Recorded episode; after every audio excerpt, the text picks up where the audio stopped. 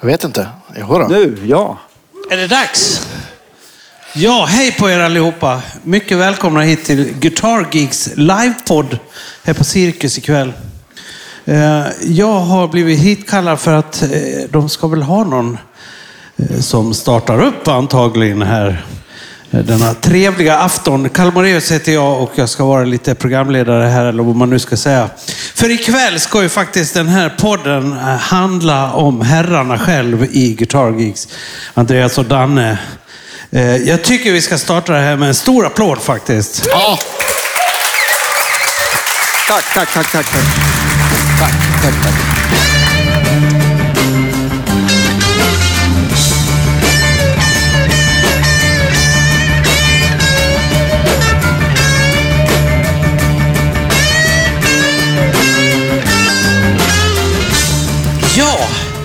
Sju år, eller hur? Ja.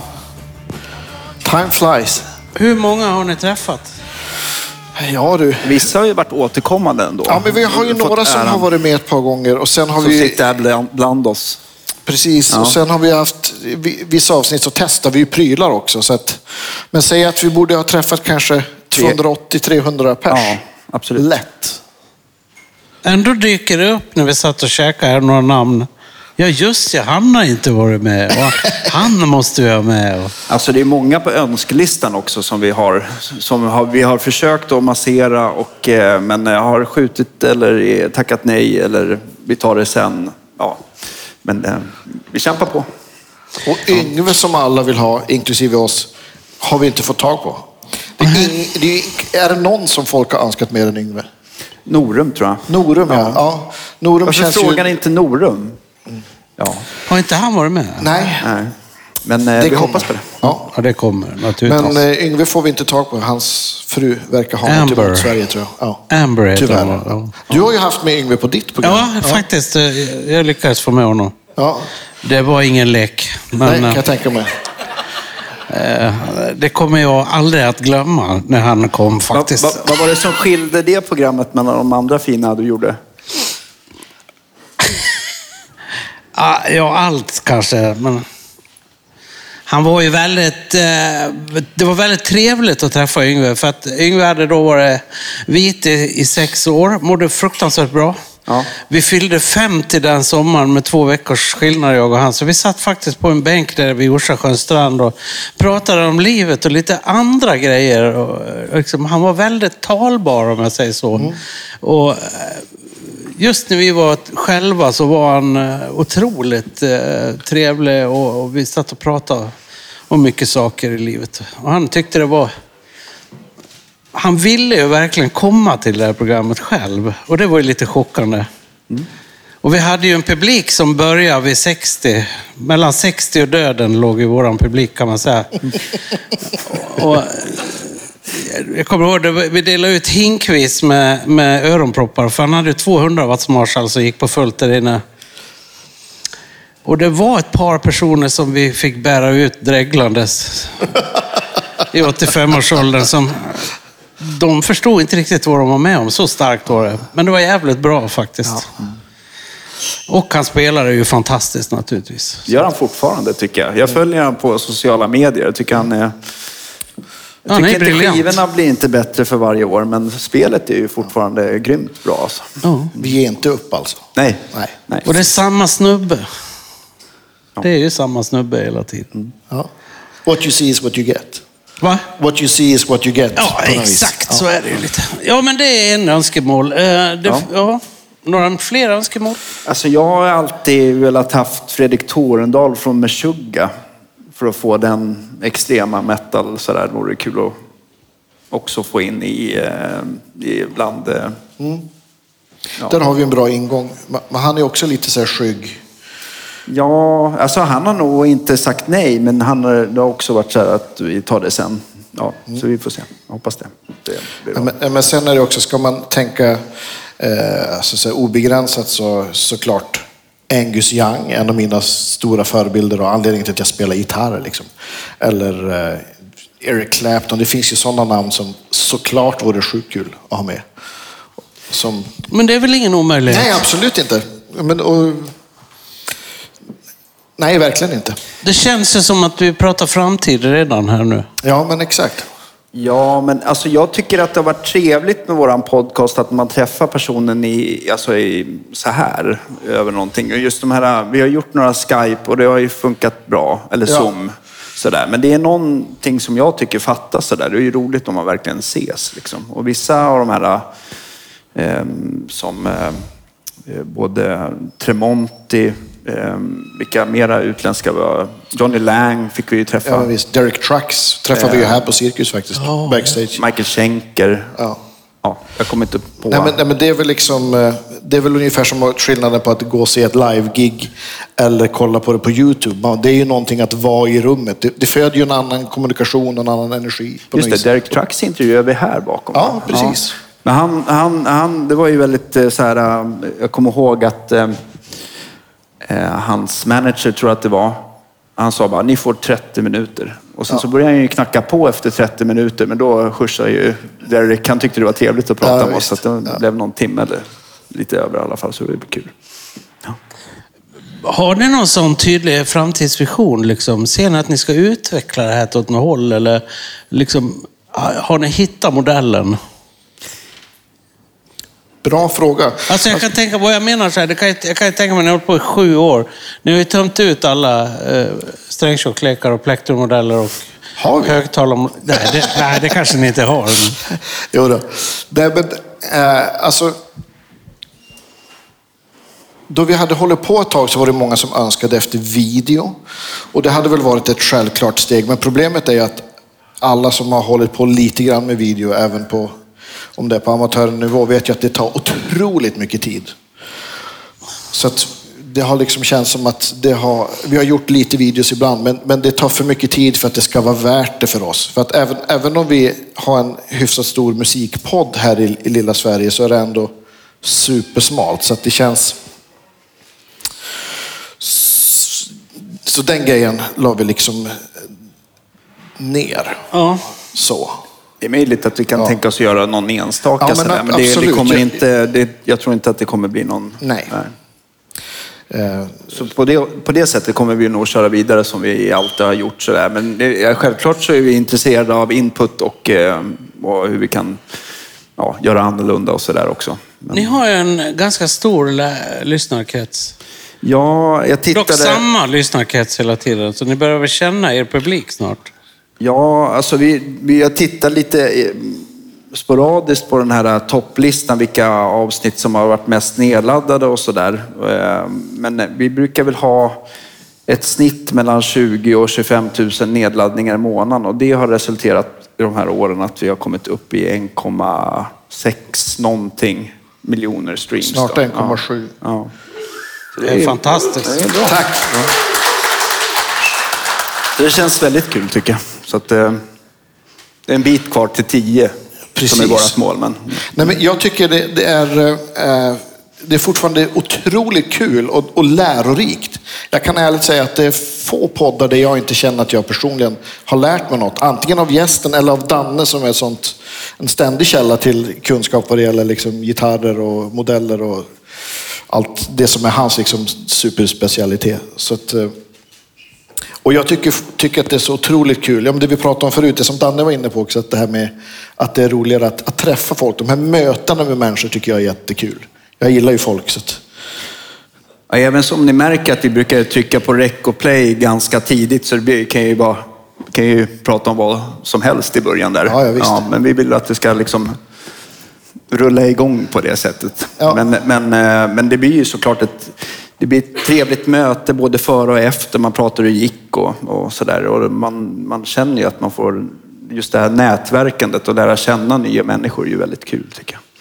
Att Man tänker så här, man, man är, jag, jag blir ju, jag, det kanske är, är yxigt att fråga det, men jag blir ju sugen att höra, har ni några minnen? Finns det något speciella minnen från de här sju åren som ni kommer ihåg? Liksom? Har det gått åt helsike någon gång? Liksom? Jo, det har det. Vi skulle göra ett avsnitt med eh, eh, Ville som bygger fantastiska resonatorgitarrer. Det.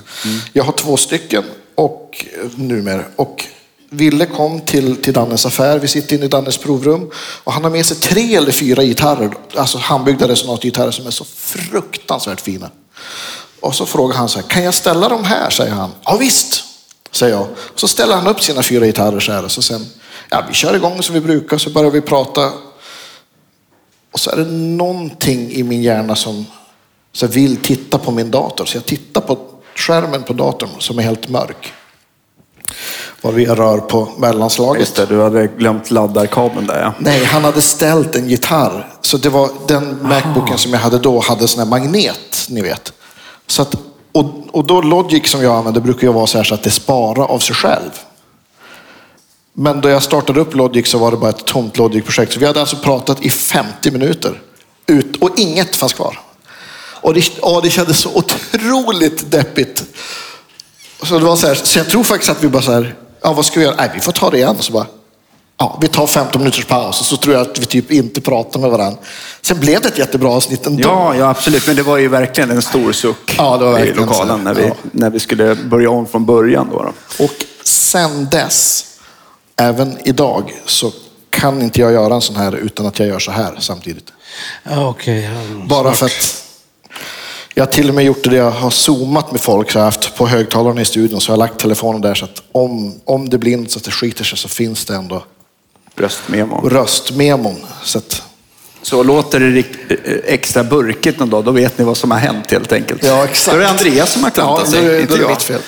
Har, har du något, så här, någonting som sticker ut Danne? Som du kommer Nej, men alltså som har gått dåligt. Jag tänker att det är väl några... Det var Eller väl, bra. Ja, det, det går väl jämnt bra. Nej, men jag, jag tänker... Eh, alltså vi har ju varit några gånger på väg att, eh, eh, till podcast med bestämd tid på något hotell inne i stan. Och sen så när vi typ är framme så bara, nej, det finns ingen tid, vi ställer in. Så att det har ju varit lite fiasko så kanske. Men annars vet jag inte om det är någonting... Alltså jag säger ju massa fel hela tiden. Så att, Ja, men det, är ju, det gör vi allihopa. Det kan ju bli liksom så här, äh, argumentation ibland när man sitter med folk. Nej, men jag- så det tycker inte jag. Jo, men det tycker jag. Men jag tror- jag och tror så att rycker vi- man ihop lite. Ja, nej men jag tror att vi är ganska duktiga på att eh, få folk att känna sig ganska bekväma. Och sen om folk öppnar upp, men jag tycker inte vi ställer några sådana frågor som Nej. gör folk obekväma, eller? Kanske? Jag vet jag, vet inte. Jag, tycker, jag tycker det ändå brukar flytta på väldigt bra. Tyckte Ja. du, kände du dig påhoppad? Jag känner mig otroligt ärad och eh, det är en av de roligaste jag i sådana sammanhang jag har gjort. Så att jag, Jag tycker nog så här, äh, inte bara för att du sitter där, men jag tror att det är en av de här topp, eh, toppavsnitten som vi har fått in. Det blev så himla mysigt. Ja, ja visst. Det var väldigt många garv. Ja. Ja, kanske. Ja. Det var många lyssnare Vi, också. ska, jag, va? vi skrattar med dig, alltså. Inte åt dig. Ja, vi hade väldigt roligt. Hade vi. Ja. Ja, oh ja. Men det var nog Dalarnas PRO som var inne och lyssnade, tror jag. Nej, det tror jag inte. Jag, jag har ett, vi pratade faktiskt om det då vi satt här uppe och käkade middag innan. Eh, då jag fyllde 40 så var jag i New York. Min fantastiska sambo Vivian hade, hade köpt biljetter till Tedeschi Trucks. Och mina fina vänner hade köpt resa till mig till New York. Shit, vilka vänner jag har. Jag blev tårögd. I alla fall, så, så jag kan ju liksom inte låta bli. Så jag tänker, men om jag är i New York så måste jag ju spela in podd med någon. Ja, och så tänkte jag så här, men Mike Stern vore ju coolt. Eh, och det var ju, jo, så här var det, förlåt, jag tar om. Bill Frisell hade sagt ja, för han skulle spela typ sju dagar i rad på Village Vanguard. Jättestor jazzklubb där. Och han skulle göra två gig per dag. Och, hade, och vi hade en tid. Men då fick jag mail från hans så här, pressmänniska att, nej fan, eller det, hon sa nog inte fan, men tyvärr så måste Bill ställa in intervjun för att han, han har ett ganska hårt schema både innan och efter och gör två gig per dag. Så att han, han behöver vila. Så ja, men visst. Men han vill gärna vara med en annan gång. Ja, visst. Ja, men eh, då mejlade jag någon annan. Så att jag så här, mejlade till Mike Sterns management och så gick det kanske ett par timmar. Vi var ute på stan och så fick jag ett mejl. Där det stod att ja, men, eh, Mike vill jättegärna vara med men han har ingen dator. Så är det okej om jag ger dig Mikes nummer så ringer han dig så kan ni bestämma en tid. Ja, ja visst. Och så, och så eh, eh, jag och Vivian sitter på en, en klubb i, i East Village. Har tagit dagens första öl och så, och så ringer Mike Stern. Jag blir lite så här, så här min gymnasieidol Mike Sterns namn står på min telefon. Så jag går ut och så står jag och pratar med Mike Stern och han, han säger Hey man, what's up? It's Mike here. Should we, what are we doing man? Det är så här som han pratar, så här, super New York släpigt och och, ja, men och, så, och så börjar vi så här, diskutera tid och han är superartig och, och, och så, ja, men så vi bestämmer vad det nu är, torsdag morgon eller så. Här. Så sen samtidigt som jag pratar med Mike Stern så knackar Vivian på rutan så, här, så pekar hon så här. Då kommer Little Steven gående på gatan och går in och köper en pizzaslice fem meter från där jag står. Så det är så här, nu pratar jag med Mike Stern så kommer Little Steven. I alla fall, jag åker hem till Mike Stern och, och, och då var det så här, då jag satt där hemma hos honom i ett jättelitet rum, liksom, hans musikrum. Eh, och så bara inser jag att om någon hade sagt det här till 17-åriga Andreas, att du kommer sitta hemma hos Mike Stern och, och han kommer berätta first hand stories och härma Miles Davis röst och berätta hur han inte kunde göra den här turnén med, Mike, eller med, med Jaco Pastorius för att han hade slutat med droger och det hade inte Jaco. Det var lite så här nypa i, i armen. Det var mäktigt. Så det, för mig är det ett av de så här, det, det är så här, ja men det var mäktigt. Fantastiskt. Ja. Det är nästan värt en liten applåd tycker jag. En, en, en kort, kort eh, passus också är att där jag sätter mig så här, och vi sitter typ så här nära och ett litet runt bord med, med kaffe. Han dricker te och så, och, så, och så har han en säng där och så är det en vägg som är helt vit, men det är liksom så här klottrat på hela väggen. Och så säger jag att fan, det är ett telefonnummer, så jag frågar så här efter på den. Hey Mike, what's all this?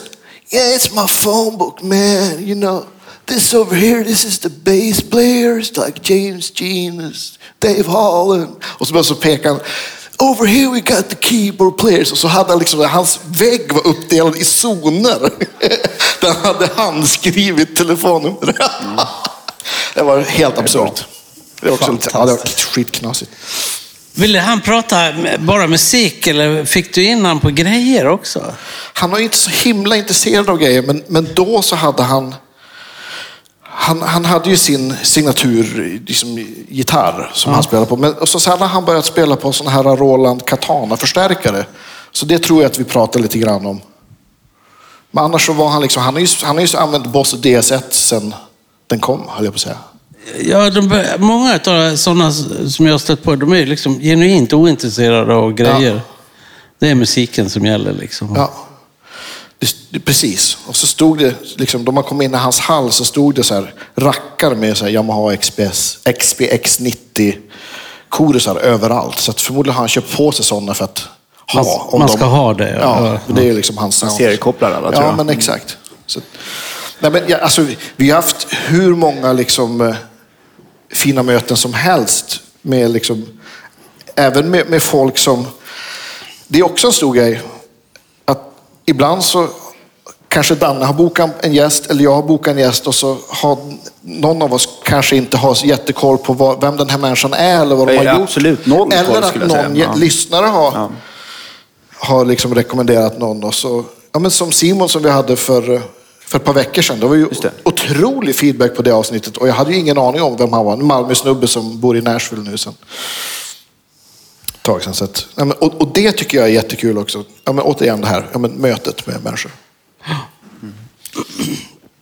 Sen så vill jag ju så här, om man har återkommande gäster, att man kanske sprider ut det lite grann så här, om de släpper något nytt eller så. Men, Mm. Ja, men så att precis. det inte liksom kommer i samma eh, år i alla fall. Eller någonting. Ja, men exakt. Men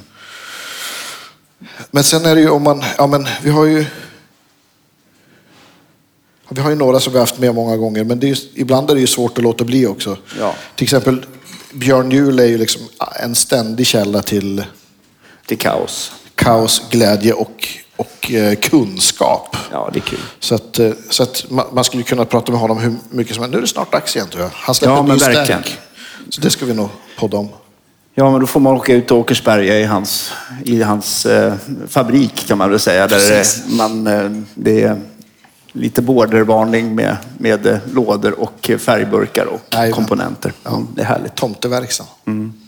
Men eh, alltså, när man gör en sån här podd, vad är er ingångsvinkel på en, på en gäst? Är det grejer eller är det musik? Det beror på vem det är.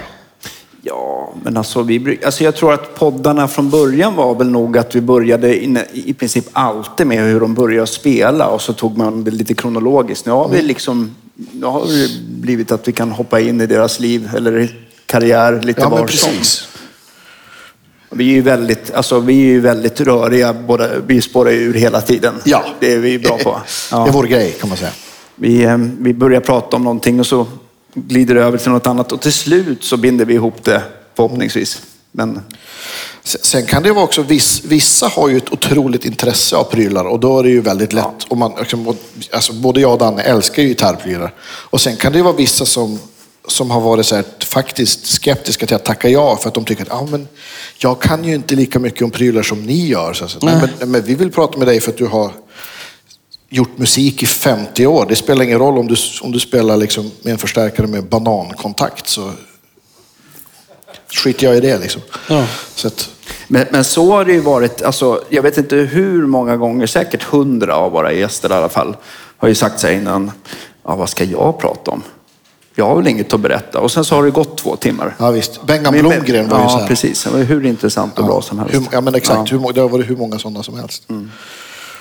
Verkligen. Men alltså, sen vissa gånger så blir det, alltså, så kan det vara så att man har tänkt att man ska fråga en massa saker och så blir det, blir det någonting helt annat. Ja, ja. Jag gjorde en sån podd i torsdags med Corey Wong. Nu skvallrar jag, den kommer nästa vecka, veckan efter det här. Och jag hade, jag hade, liksom så här, jag hade gjort en lista på så sju punkter som jag ville fråga om. Men det var, jag tror att vi kanske hann två. Men det blev jättebra ändå. För att, liksom, för att vårt samtal tog liksom inte den vägen. Och han hade en timme. Så det var så här, ja. Ja, du skulle ha gjort som vi alltid gör helt enkelt. Ja, exakt.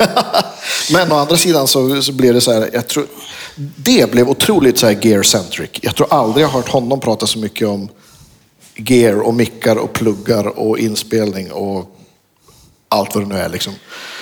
I någon intervju jag sett med honom. Så, så det kan jag, det tycker jag, det, då är det ju kul också då det blir något som, någonting som är, och det tror jag kanske är en av våra, våra styrkor också, att vi jag menar att vi är musiker och gear sluts så att, att det blir någonting annat än, eh, än en liksom vanlig journalistintervju. Det har man ju märkt om man har pratat särskilt med Ja, jag tänkte amerikaner. säga det. Jag tänkte säga de som är ganska vana att bli intervjuade, de har ju verkligen, de- de har ju verkligen så här, nu, är det, nu blir det samma frågor igen, tänker de. Men då, och sen så märker de att vi ställer helt andra frågor, Ja, tror visst.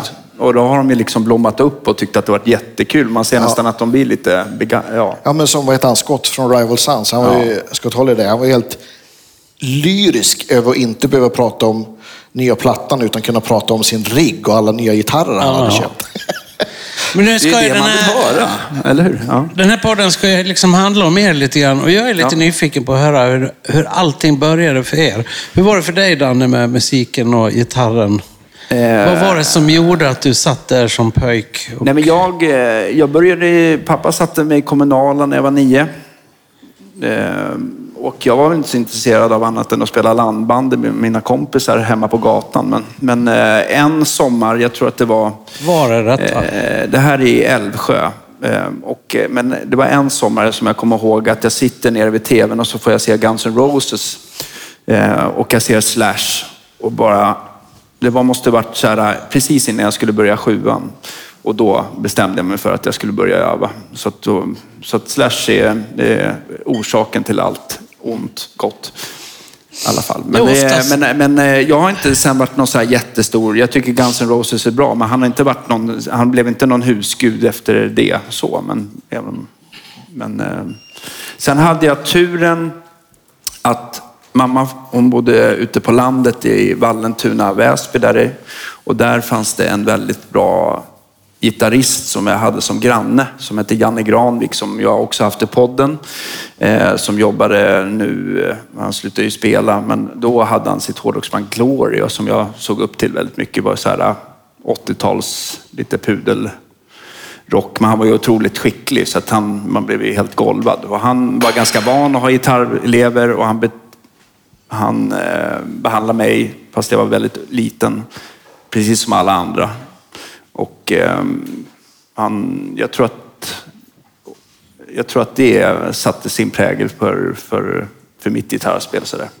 Och sen så eh, lärde jag känna Fredrik Åkesson Kulle när jag var 16. Lärde jag känna honom och han bodde ju i Väsby då. Så då åkte, eh, skjutsade mamma mig eh, varannan vecka då när jag var där hos henne. Och, eh, eh, och jag tog lektioner av honom. Hur gammal var du då? 16. Mm, 16. Så började jag spela hos honom. Så jag, Du, du visste det ganska tidigt att det, det, det kommer nog att bli det här. Ja, men då var det ju hårdrock som gällde. Och jag spelade ju hårdrock, men då var man ju så här i replokalen fem dagar i veckan. Och så spelade vi på en talangjakt en gång om året. Eh, och, men i lokalen bredvid oss, där fanns ett bluesband. Mina gamla fritidspedagoger höll till där i Kämpetorpsskolan i Älvsjö. Och de eh, gick jag alltid ner när de repade och kollade på. För jag, pappa hade blues hemma och jag gillade det. Så att jag tyckte det var jättehäftigt. Och eh, det här måste ju varit typ runt 96, 97 där. Eh, så att jag, ja det var väl någonstans i gymnasieperioden i alla fall. Och eh, de splittrades och behövde en gitarrist. Jag var ännu tanigare då, så att de hjälpte mig att bära förstärkaren över till andra lokalen varje rep. Och eh, sen började jag spela och de var ju äldre, var vana att spela live. Och, eh, så vi blev så här husband på något ställe inne här i Stockholm och eh, spelade på diverse härliga förortssyltor. Eh, och eh, jag var i helt extas när jag fick min första 500 i handen. Jag var ju inte så gammal ändå. Och sen så ett stort cred till Brian Kramer som vi har pratat om att ha i podcasten. Ja. Som, som startade alltså 98 eh, bluesjammet på Stampen. Och där hängde jag ju varje lördag i två års tid tror jag. Tills jag då startade mitt egna. Och ja, sen dess har det flyttat på helt enkelt. Du har inte tagit någon utbildning eller varit iväg och pluggat? Eller, du, du har kört själv? Nej, alltså jag har varit... Eh, jag gick som ljudtekniker eh, alltså på en skola efter gymnasiet i två år. Det är det jag har gjort. Jag har inte varit eh, på någon så här ja, Fridhem eller någon sån. Nej, nej. Nej. Så att jag, är, det har varit, jag, har, jag har haft jättegod hjälp av de som jag tagit gitarrlektioner av. Men jag har inte tagit några blueslektioner eller rock'n'roll eller det som jag spelar idag. Då. Men, men Andreas då? Det var inga Älvsjö där eller? Nej, jag är ju från, från Västerbotten och, och eh, min, eh, min mamma spelade fiol och lite piano och, jag, både jag och Danne tillhör den här generationen som var tvungen att börja spela blockflöjt.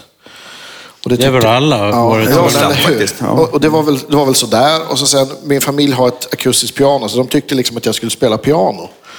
Så jag började spela piano när jag var tio, men det var liksom aldrig...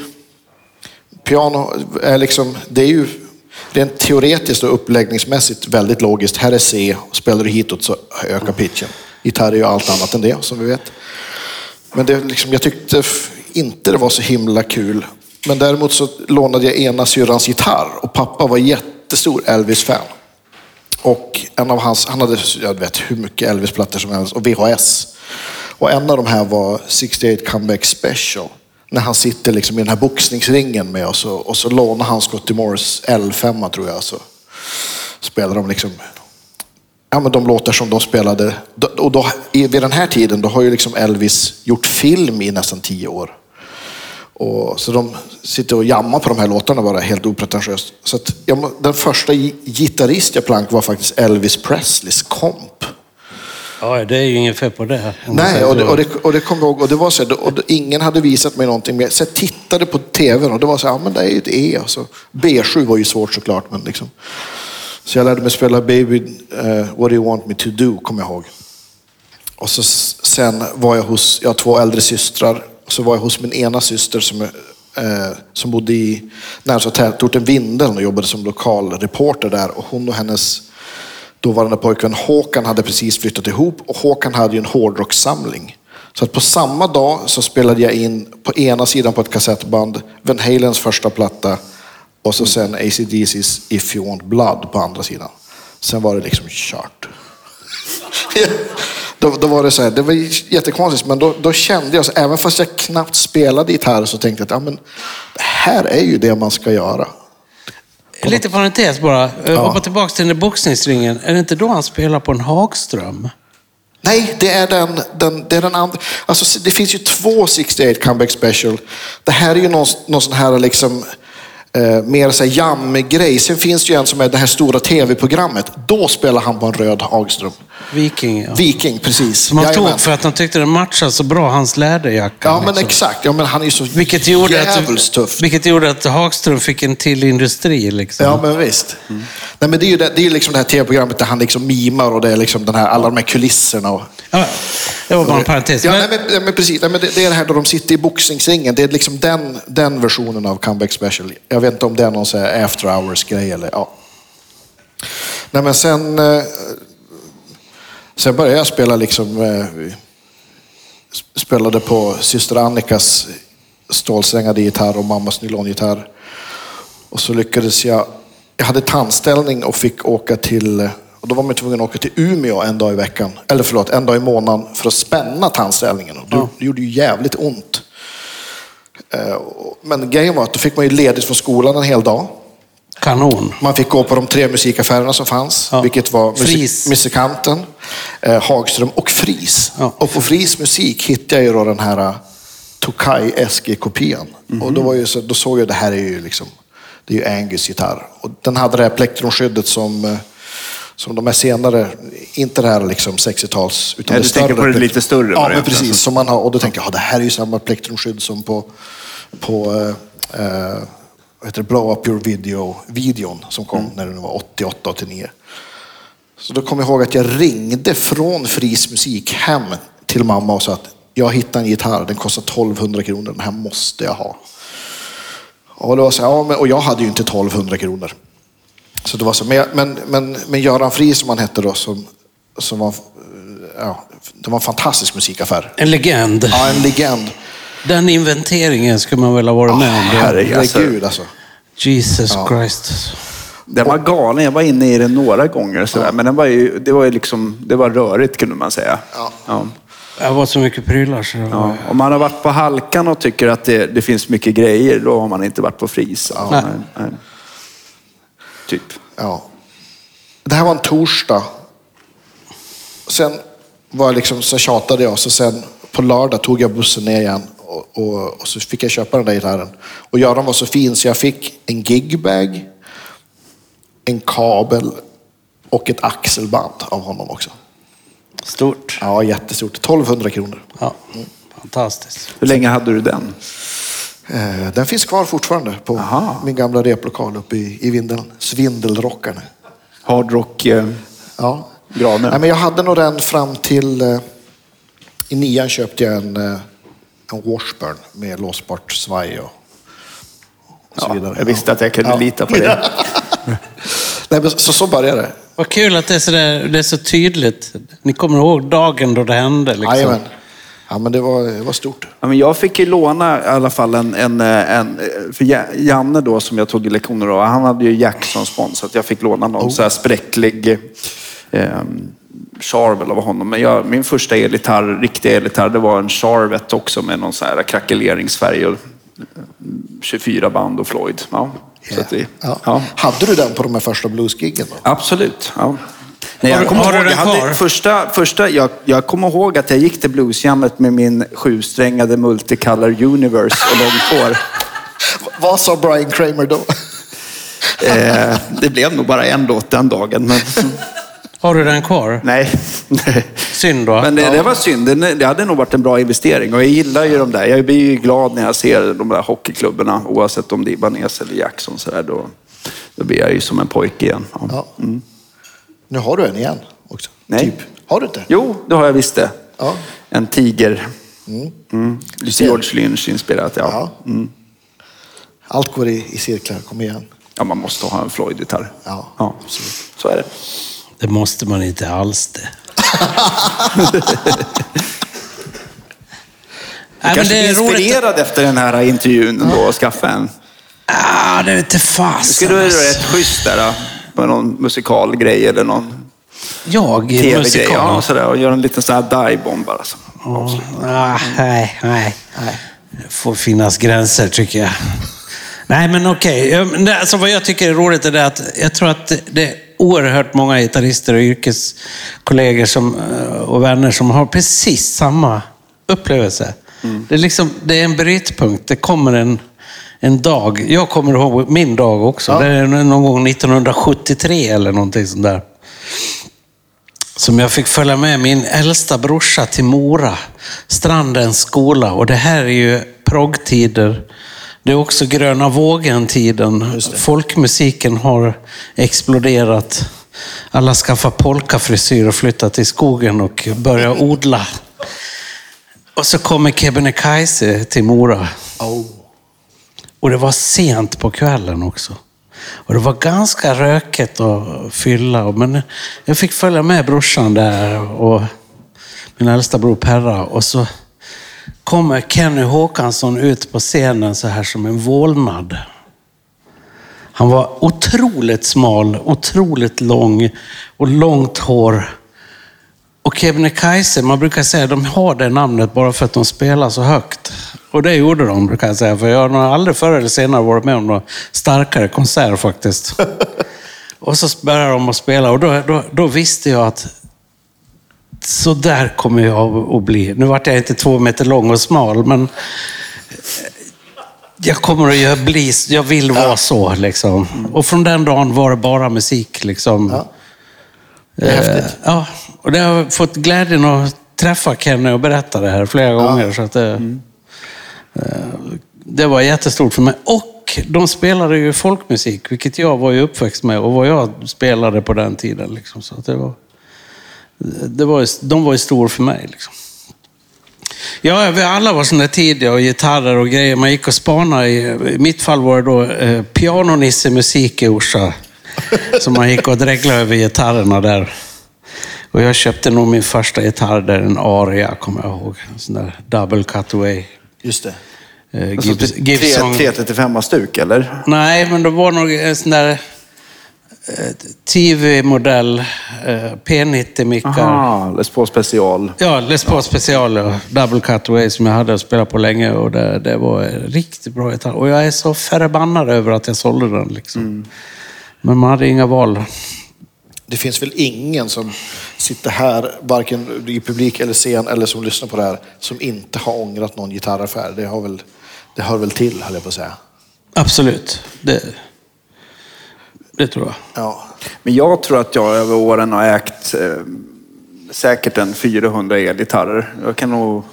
Jag tror att jag... Men alltså det har ju varit så när Men man du är jobb- ganska osentimental faktiskt. Jag är väldigt osentimental. Blir det ståendes så säljer jag det. Men det är klart att jag kanske har ångrat en handfull av dem sådär. Att det skulle varit kul att ha. Alla skalopperade jag haft. Nej, men, eh, men, eh, men det har jag haft faktiskt. Man hade sin yngre period. Men, men eh, det är klart att man ångrar eh, för vissa av, av eh, att de har rusat iväg värdemässigt och sådär. Men, men ja. Det är ju svårt att veta. Men ja, precis. Men jag har varit väldigt osentimental. Jag, om, om man behöver prata med en, en, en gitarrpsykolog och eh, är tveksam om, om man ska sälja eller behålla, då kan man prata med mig om man tänker att man ska avyttra saker i alla fall och banta ner sitt... Ja, på, Du gjorde, välkomna. du gjorde en skön sån. Vi skulle spela en podd hos mig i Bandhagen. Och så hade jag ställt fram på fikabordet så här, kanske tio pedaler som jag tänkte de här ska jag sälja. För de spelar jag inte på och har, de har stått här länge. Och du bara, nej, nej, du kan sälja mycket mer. Och så bara gick du in så hämtade en Klase-pedal. Så bara, när spelade du på den här sist? Så bara, ja, den kanske jag aldrig har spelat på. Ja, den ska bort. Den här, nej men den måste jag, nej, den ska bort. Den här du- du- låter inte bra Andreas. Exakt. Så, att, så att jag tror att det, blev liksom, det blev en mycket större hög pedal. Ja, Ja. ja, Du får komma ner igen så kan vi göra samma sak. absolut. Ja, du måste ju komma in i ditt rum. Så det Ja, måste. exakt. Mm. Det är väldigt roligt att hänga ner hos dig faktiskt. Det, där. det är ju verkligen det är, det är åtta kvadratmeter och det är, det är eh, 400 pedaler och eh, 10 toppar och eh, ja, Ja, jättemånga. 35 gitarrer kanske. Ja, Ja, typ. Och, ja. Det är trångt. Det är ju lite konstigt om vi, om vi tar ett litet avsnitt om grejer då. Varför blir man så fullständigt nördig i prylar? Alltså, vad, är det som är, vad är det som är suget i det? är det det att man letar efter något? Jag tänker så här, alltså som en liten parallell. Det är jättemånga fantastiska gitarrister, inte minst en sån person som Rune Gustafsson som jag blev, blev eh, god vän med. Och Han är hans sista år på livet och, och vi spelade ihop eh, i 13 år uppe i Malung på ett, på ett sånt där bygdespel där och jag lärde känna honom. Och jag var hem till Rune och när Rune var sjuk så hjälpte jag honom lite grann. Och vi åkte runt med den här Les Paulen han hade och, och visade upp den för några intressenter och så vidare. Och, eh, Rune kunde ju ingenting om någonting eh, när det gäller elgitarrgrejer, utan han var spelaren. Liksom. Han var bebop-kungen eller han var, han var ekvilibristen. Och otroligt tidigt, men, men han kunde ingenting. Han hade inget sug efter grejer överhuvudtaget. Han, han bytte bort sin 56 Les Paul för den var så jävla tung, mot en Ibanez. Liksom. Underbart. Och han, han, han la av att spela i sin eh, Fender Twin-stärkare, för han orkade inte till slut bära den tre trappor upp varje dag. Så han köpte en, en Roland-kub istället. Man kunde ta under armen. Liksom. Det var kvalitet för honom. Liksom. Ja. Och, och ska man vara ärlig, när man, när man hörde Rune spela, det var ju liksom helt magiskt. Liksom. Men vad, är, vad har, hittar vi det här suget någonstans efter grejer? Eh, nej, men jag råkar väl ut för... Man får ju, man, vi får in väldigt mycket roliga gitarrer på verkstaden. Så där. Eh, och det är ju jätteroligt att, att få prova så himla mycket och, och liksom skruva isär och eh, sådär. Jag kan inte säga att jag är eh, det här villhöver-känslan. Gitarrer, när jag står och jobbar med det varje dag, är, är kanske inte så stor som den var förr. Men, men, eh, men eh, absolut så slår det mig ibland att jag måste ha en som någonting sådär. Så jag har en, eh, skaffat en Harmony-burk här nu, precis som, som du fick provspela Ja. där uppe. Som, Som vi får höra sen. Ja, jo, men jag ska Ja. åka fram på några låtar i alla fall. Men det är också sådär, man får se. Det är svårt just med, med samma inställningar, strata och burk. Det är inte bara, man får krana lite så går det säkert bra. Ni får lite tålamod bara.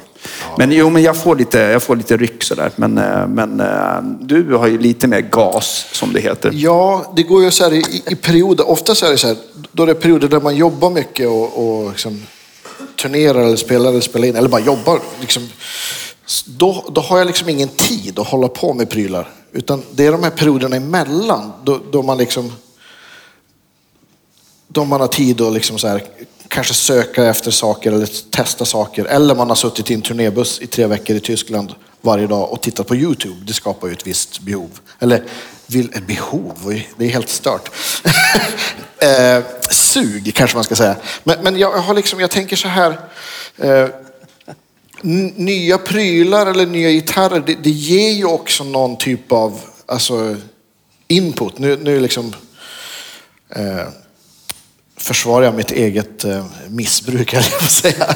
Men, men, men Ja, det, men vi är starkt medberoende, ja, men, ja, men eller hur. Men, men, på riktigt så är det lite så att ett nytt instrument eller en ny pedal eller någonting ger ju någon typ av så här, energi och inspiration och, och glädje på något vis. Sen kan det också vara så att, ja, jag kommer, kommer, det har, har säkert alla ni också varit med om. Jag kommer ihåg en gång jag köpte en eh, Hasse och Jonas som, eh, som, eh, som ni kommer få höra sen som spelar i, i, i bandet, trummor och bas. Vi var en gång i, i England på turné och så hittade jag den här äh, Fender Telecaster Cabronita-gitarren. Och jag hade ju sett Keith Urban spela på en sån där. Jag fy fan, det här är ju så coolt. Det är liksom en tele fast med Gretsch-mickar och... Så jag köpte den på den här affären i Brighton. Och, och var så himla glad. Och så sen kom jag hem och så spelade jag på den och så bara, så, nej fast halsen är inte så bra. Och så bara, nej, och så testade jag byta hals. Den var fortfarande, den var ju fruktansvärt snygg. Så det var ungefär som, jag vet inte, men Tänk en, en kvinna eller en människa, vad man nu är intresserad av, som är fruktansvärt snygg. Men då människan börjar prata så bara, eh, så dör intresset helt. Det var en otroligt vacker, sexig, det? snygg gitarr. Det. Men då jag spelade på den så var det bara noll mojo. Så att den, då, då fick jag sälja den, så, att, så, så kan det vara också. Men, men då jag köpte den gitarren, då var det verkligen det var ju eufori. Jag spelade på den på samma kväll på gigget och resten av turnén. Och, och Sen kan det också vara som, ja, men när jag, det där bordet som jag har med där, som är kanske det bord som jag har spelat på längst. Det är bara för att du kan bära det själv. Ja, det är faktiskt... För, ja, och det där bygg, bad jag Göran bygga för att jag ville ha ett bord som jag kunde, kunde bära själv. För att det bord som jag hade innan var, casen var en meter och det vägde, med case vägde det 39 kilo. Du hade inte haft några sittplatser här. Nej, men exakt. Nej, men, och, och det gjorde att jag aldrig tog med det. Och, och då gjorde jag också så här, för, och, ja, men vi har ju pratat om Björn Juhl och då tänkte jag så här, men nu ska jag sätta ihop ett bord med ingen Björn Juhl-pedal. Nu har jag ju två pedaler som man har designat Ja, det bordet ändå. Viben och den där boosten. Och det jag då kom fram till som är lite så här skrämmande efter att ha hört inspelningar med, med bordet jag hade innan och andra bord där jag hade bara Björn overdrives och det här. Att jag låter ju ta med fan, ursäkta mitt språk, likadant ändå. Och då kom jag, kom jag på att, jo men, man har ju något, eller jag har ett ljud här inne, i alla fall där jag spelar min egen musik eller sånt, då det gitarr låter som jag vill att det ska. Som jag tror att, att, eller i alla fall jag söker, oavsett vad jag använder för grejer, så försöker jag få fram det. Så att, och, och det var lite skönt att Du säga. menar alltså det sitter i fingrarna lite? Alltså, man gör sin egen ton? Ja, men i fingrarna och i hjärnan. Och, ja, men klart att det är, det är hän- händerna. Det är liksom... men, eh, men, men det var så här skön, för, för mig var det så här att, ja, men, det var kollegor som frågade, men, har du inga Björn Overdrive på ditt bord? Det var det enda jag hade haft i 20 år nästan. Så att, men, och, och, men för mig var det så här, ja, men, åh vad kul att testa någonting annat. Så återigen, att, så här, ja, men, att bli inspirerad och, och Men jag kan ju lugna er med att säga att det alltid varit på det här viset. Alla som har spelat har ju alltid varit lite galna Ja. i sina grejer. Redan liksom, jag kommer ihåg spelmän som var födda på början av 1900-talet. De fick någonting som heter ljudpinnesnurr. Aha, I fiolen så står det ju en ljudpinne mellan lock och botten. Och de var där och knackade lite, lite ska till höger här. Nu, lå- nu låter den jättebra, vet du. Så efter tre dagar, nej. Sen knackade han lite åt det här hållet. Så det slutade med att alla de här fiolerna var, in, de var utslitna från insidan. för att de hade För den där pinnen har åkt så mycket fram och tillbaka. Så, så, så det här med att vara lite galen i sina prylar, det, det tror jag tillhör yrket. Ja. Ja, men det är väl också ett, så här, ett, ett bevis på att man kanske så här, söker något och vill någonstans. Eller bara så här, ja jag vet inte. Och jag tycker du har helt rätt när du säger att man köper en ny gitarr. Det, det, och hur mycket skäll har man inte fått för att man har gått och köpt en ny gitarr? Men det går inte riktigt att förklara vad som är grejen, men det ger otroligt mycket tillbaka. Det skänker jättemycket inspiration. Ja, det gör och, och man får orken att, och, och intresset tillbaka och sätta sig och öva och allt möjligt. Jag tycker det där till och med är lite viktigt att man liksom... eh, Jag måste underhålla mig själv på det viset. Ja, liksom visst. och göra det. Så att det, jag skäms inte. Man Man, behöver- bara köper nya, man fixar en ny lokal på byn i Orsa bara och stoppar in allting i. Så kan man börja om igen. Liksom. Perfekt. Men jag tänker att det är, om jag skulle hålla igång mitt spel så att, det, att jag känner mig nöjd, att jag övar ordentligt, då skulle jag ju behöva köpa en ny gitarr var tionde dag ungefär. Då tycker jag du ska ta och titta på det. Ja, absolut. Ja. Hälsa på lite. Men du har ju hundra gitarrer inne hos dig jämt. Jo, typ, det är sant, det är sant. Du kan ju bara... Men jag kan inte säga att jag håller på att eh, svettas ner kunders gitarrer, eller? Jo. Jo, kanske. Mina får du spela på. Men hur är det med inspirationen nu för tiden då? Ja, men det är nog rätt bra. Det är väl som, som allting annat. Det går så här i, i, i ja, perioder, höll jag på att säga. Eh, Du spelar ju väldigt mycket. Du är Ja. ju ute på turnéer. Det är USA och allt möjligt. Och i massa olika sammanhang. Ja. Eh, Men, och det- jag är liksom en, jag vet inte. Jag tycker det är kul att spela all möjlig musik liksom. Så att jag, jag, det, det ger ju mig otrolig energi att få liksom jobba i olika sammanhang och träffa olika människor. Och... Eh, Dagstvätten är klar. Lugnt. Eh, förlåt, vad var frågan? Ja, men inspirationen och du är ute och spelar men- väldigt mycket. Och liksom, hur, hur håller du upp andan, spiriten? Liksom? Eh, Eller känner du att du börjar att liksom sikta på 65-årsdagen lite grann? Nej, för fan. Jag ska spela tills jag dör. Jag brukar skämta att jag ska dö på ett grundtonsvibrato när jag är 96. Bra. Kor, chorus 7 ska det vara. Ja. Så bara, ni, ni, ni, så bara, ska jag dö. kommer antagligen att bli så. Ja. Övar du Jag mycket? så vill inte jag det tror jag. Jag. Du, du vill med på en Twitter? Twitter. Nej, jag vill ha mer en dive-bomb tror jag. Jag, För hockeyklubbar? Ja. jag gillar ju att, och så här, jag gillar att lyssna på musik som är kapitalt olika från det jag jobbar med just för tillfället. Det har för mig varit så ett sätt att så här, rensa hjärnan. Eh, och, ja, men sen då, så här, ja, men, jag gillar, ja, men, och, och överlag så jag gillar att lyssna på musik som innehåller improvisation. Eh, oavsett om det är liksom Keith Jarrett eller T-Bone Walker eller John Coltrane. Så här, det ger mig liksom eh, energi. Så liksom, jag går mycket tillbaka till... Jag saknar ju väldigt mycket i media eh, instrumentalmusik. Ja, men visst. Det existerar ju för överhuvudtaget inte längre. Att vi får sätta på tvn eller radion och höra. På 70-talet då fick man ju höra allt möjligt eh, och titta på tv. Det var allt möjligt. Eh, jazz och allting. Men det finns ju nästan inte i vår värld nu. Ska det bara vara... Ja, nu blir jag gnällig gammal gubbe, men det tar jag mig rätten att vara. Men det är så mycket av en annan typ av eh, synsätt idag på media för överhuvudtaget. Så. Jonas Öjvall som är med och spelar Hammondorgel ikväll, han brukar, jag tror att han sa någon gång att, att det står i att Sveriges radio och tv ska underhålla och utbilda. Visst är det så Jonas? Ja. Ja, och, och det kan man väl kanske ifrågasätta bitvis idag. Absolut. Nu låter jag som den gubbe jag är jag också. Men... Ja, men absolut. Nej, men jag kommer ihåg när jag gjorde Moraeus med mera så hade jag på förslag flera gånger inför redaktionen att vi skulle ta med vissa saker. Några eh, instrumentalmusiker naturligtvis och så vidare. Och, och speciellt en, en person i den här gruppen vi satt och skapade programmet vart väldigt irriterad på mig till slut och sa att Ja, Kalle, instrumentalmusik är ju väldigt fint på alla sätt och vis. Men det är ett fel med instrumentalmusik och det är det att det är ingen som sjunger. Och då, I rest my case vart efter det. Jag slutade för överhuvudtaget. Och... Hela inte förklara för en som inte begriper. Som Ingemar Stenmark så fint sa. Exakt. Va? Du då, hur hittar du din inspiration? Och...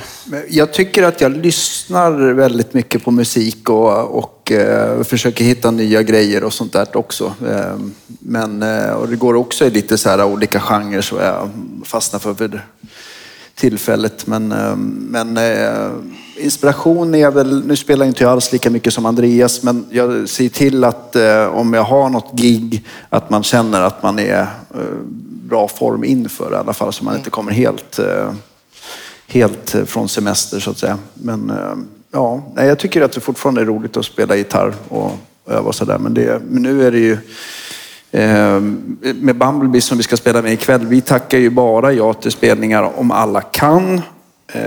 Och är det någon som, som, som har någonting annat då, då, då, då spelar vi någon annan gång helt enkelt. Så vi sätter inga vikt längre. Eh, inte för att det inte har funkat bra, men vi tycker att det händer någonting efter 19 år tillsammans som samma grupp. Att, eh, att eh, det är någonting som fattas som vi inte är vi då. Liksom, sådär. Sen så hoppade jag in och jag är lite jätteglad. Hoppade in med något bluesband i fredags och fick eh, första gången på länge kolla in eh, en helt ny repertoar. Så, där, så det var ju skojigt också. Mer sånt eh, måste jag ha. För det är ju väldigt kul. Det är också ett sätt att liksom Ja, men ta tag i saker tycker jag. Utsätta sådär. sig för något. Men, eh, nej, men jag tycker, jag tycker jag håller mig flytande i en form helt enkelt. Jag ska, ska inte säga att jag går bakåt eller framåt, utan jag, jag har hittat någon bra... Jag behöver inte bli snabbare. nej, nej, Det går inte att bli snabbare. det går inte. Jo. Ja, den närmaste tiden, eller framtiden då? Hur ser ni er själva? I, har, ni någon, har ni någon bild över... Jag vet inte, hur gamla är ni? 44. 46. 44 och 46, ja. Eh, Jag är 60. Hur ser ni er själva när ni är 60? Jag tänker att på tisdag så tar vi Polen först då. Förlåt? På tisdag tar vi Polen. Jaha. Ja, nej, då. Nej, men, eh, nej, men jag tänker att vid 60 så spelar jag bättre gitarr än jag någonsin har gjort i hela mitt liv och en bättre medmusikant och musiker än någonsin. Så tänker jag. Men det märker jag, även om jag inte övar lika mycket längre så tycker jag att jag blir bättre. eh, För just att man, det, det blir någon slags mognad under tiden bara att man inspireras och lyssnar på mycket musik. Så, där. så att jag, jag tycker inte att bara öva gör en bättre, utan även att, att eh, Leva. ja, något sätt. Nej, men det måste ju du känna också, att förmodligen så är du en bättre musiker nu än du någonsin har varit. Eh, På många sätt och vis, absolut. Ja, så är det ju. Eh, Kanske jag- tekniskt på fiol, inte lika snabb som när du Nej, var 22. absolut. Där inte- har jag men slagit- ut, uttrycksmässigt är du säkert... Det är inte lika många Paganini-stycken. Nej, de chopserna liksom måste man underhålla så fruktansvärt mycket. Liksom, så att det, där, men jag hamnar på en väldigt bra trivselnivå när det gäller fiolspelet. Däremot gitarrspelet så övar jag ju det på ett helt annat sätt och eh, har ju skaffat mig en lärare faktiskt i form av Pelle Holmberg. Ja, vad kul. Bra lärare ändå. Ja, verkligen. Det brukar alltid sluta med en starköl eller två, så de där lektionerna är inte så jävla... Men inte för många, för han, han är ju gammal brottare. Det kan bli farligt, Jag tänker jag. vet, han är fullständigt hopplös. Eh, Men vi har väldigt trevligt att gå på. Han eh, är en enorm inspirationskälla för mig. Eh, Så att jag har liksom på något vis tagit steget att inse att jag har skitmycket kvar att lära. Och det går framåt, Men- trots men- att man är 60. Men du som har spelat mycket, ni har ju ett band tillsammans. Ja. Eh, P och K. eh, PK Blues Inferno. Ja, precis. Men jag tänker på, han är ju ändå en, en riktig övningsnarkoman. Ja. Känner, man, känns det jobbigt att han är det när ni träffas och att han alltid sitter med gitarren? Eller? Nej, absolut inte. Tvärtom. Det är en, eh, och han är så frikostig. Han, han, liksom, han delar med sig av allting hela tiden. Liksom. Och, och vi gjorde en turné, eh, en hyllningsturné till Björn och Benny. Jag tror att vi satt kanske en och en halv, två timmar före varje gig liksom, och, och nudla bredvid varandra. Och han visade mig det här och det var då jag kom på att fasen alltså. Så han har skickat en massa grejer till mig som jag sitter och det är ju Scott Henderson-grejer så jag leker att jag förstår vad jag spelar, men eh, det gör jag ju inte. Det är så jävla avancerat så att det blir ju, snurrar ju i huvudet. Men alltså det finns hopp menar jag. Alltså, det var Ja. det jag ville säga. Att, att, man, att man, man, man slutar liksom inte utvecklas förrän den dagen man bestämmer det själv. Ja, tror jag. precis. Mm, så är det. Sen, kan, sen blir ju fysiken lite annorlunda. Jag brottas med enorm artros i mina tummar till exempel. Men, eh, eh, det finns sätt att använda, fixa det också. Vi börjar oss närma oss klockan åtta. Va? Två minuter kvar. Har vi surrat så mycket? Så mycket har vi surrat. Och, eh, jag undrar lite nu då, för podden nu då. Vi sitter ju här för er fantastiska podd som jag älskar så mycket. Eh, Tack snälla. hur, hur tänker ni i framtiden med den nu då? Det är ju den stående frågan. Ja, vi vill ju fortsätta se till att folk kan somna gott på kvällarna helt enkelt. Det är faktiskt många som säger det till mig att eh, utan er så, så har jag svårt att komma till ro. Vi, vi fick ju faktiskt ett mejl en gång, det var jättekul. Ursäkta om du lyssnar här och tar illa vid, men en, en lyssnare som, som kom med förslaget. Snälla, kan ni inte ta bort den här musiken i slutet på podden? För det gör att varje gång musiken kommer igång så vaknar jag. Ja. Ja. Nej, men alltså, eh, som vi har sagt till varandra, så är, vi kör på så länge vi tycker att det är kul. Och vi tycker fortfarande att det är jättekul. Det känns som att vi har hundratals avsnitt kvar. Och vi bara så här, tio i sju så sa jag till Danne, du, jag fick den här idén om igår. Igår, ska vi göra ett sånt här avsnitt? För jag har pratat med bla bla bla. Ja, det gör vi. Så, att, så länge det känns så, så, så, så kör vi på, tycker jag. Det tycker jag låter strålande. Ja. Eh, nu är inte den här podden kanske slut här och nu, men kvällen här på Cirkus kommer att fortsätta lite grann. Som ni ser så är det ju fulladdat här med instrument. Precis. Eh, har ni slagit färdigt om vem som ska börja och avsluta? Ja. Ja, men vi tänker att jag börjar för att jag spelar ju sån här musik utan sång. Instrumentalmusik. Exakt. Och eh, sen kommer Danne med spela rock'n'roll med Bumblebees. Det ska bli skitkul.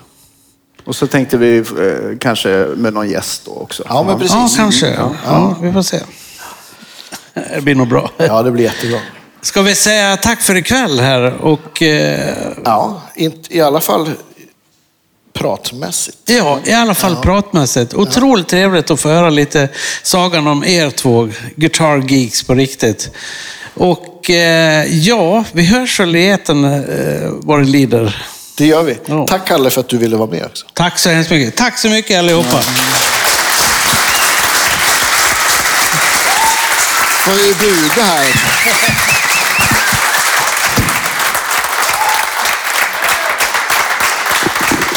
Vi ses om en!